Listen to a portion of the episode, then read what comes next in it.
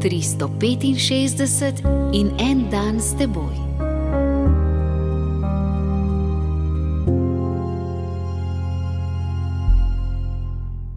Iz knjige preroka Izaija, 55. poglavje, 10. in 11. vrstica.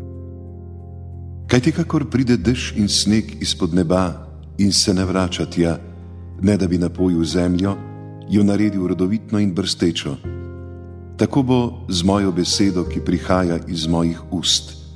Ne vrne se k meni brez uspeha.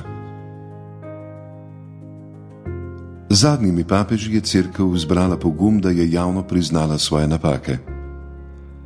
Odpuščanje mora prositi še za zmoto, da je stoletja pridrževala svetopismo samo za duhovnike in redovnike.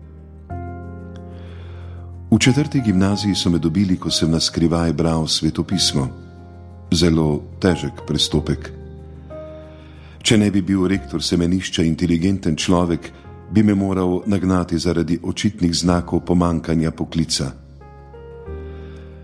Danes se kristijani, hvala Bogu, vračajo k izviru in prvi sadovi se že kažejo.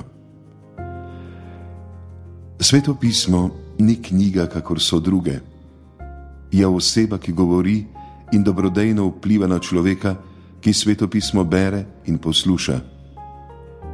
Rekli boste, ampak jaz ga ne razumem. Zemlja ne razume vode, vendar jo voda vseeno naredi rodovitno. Tudi ravni razumevanja je mnogo in ni rečeno, da ga najboljše razumejo tisti, ki znajo grško in hebrejsko. Moja mati z dvema razredoma osnovne šole in več kot 90 leti bere svetopismo.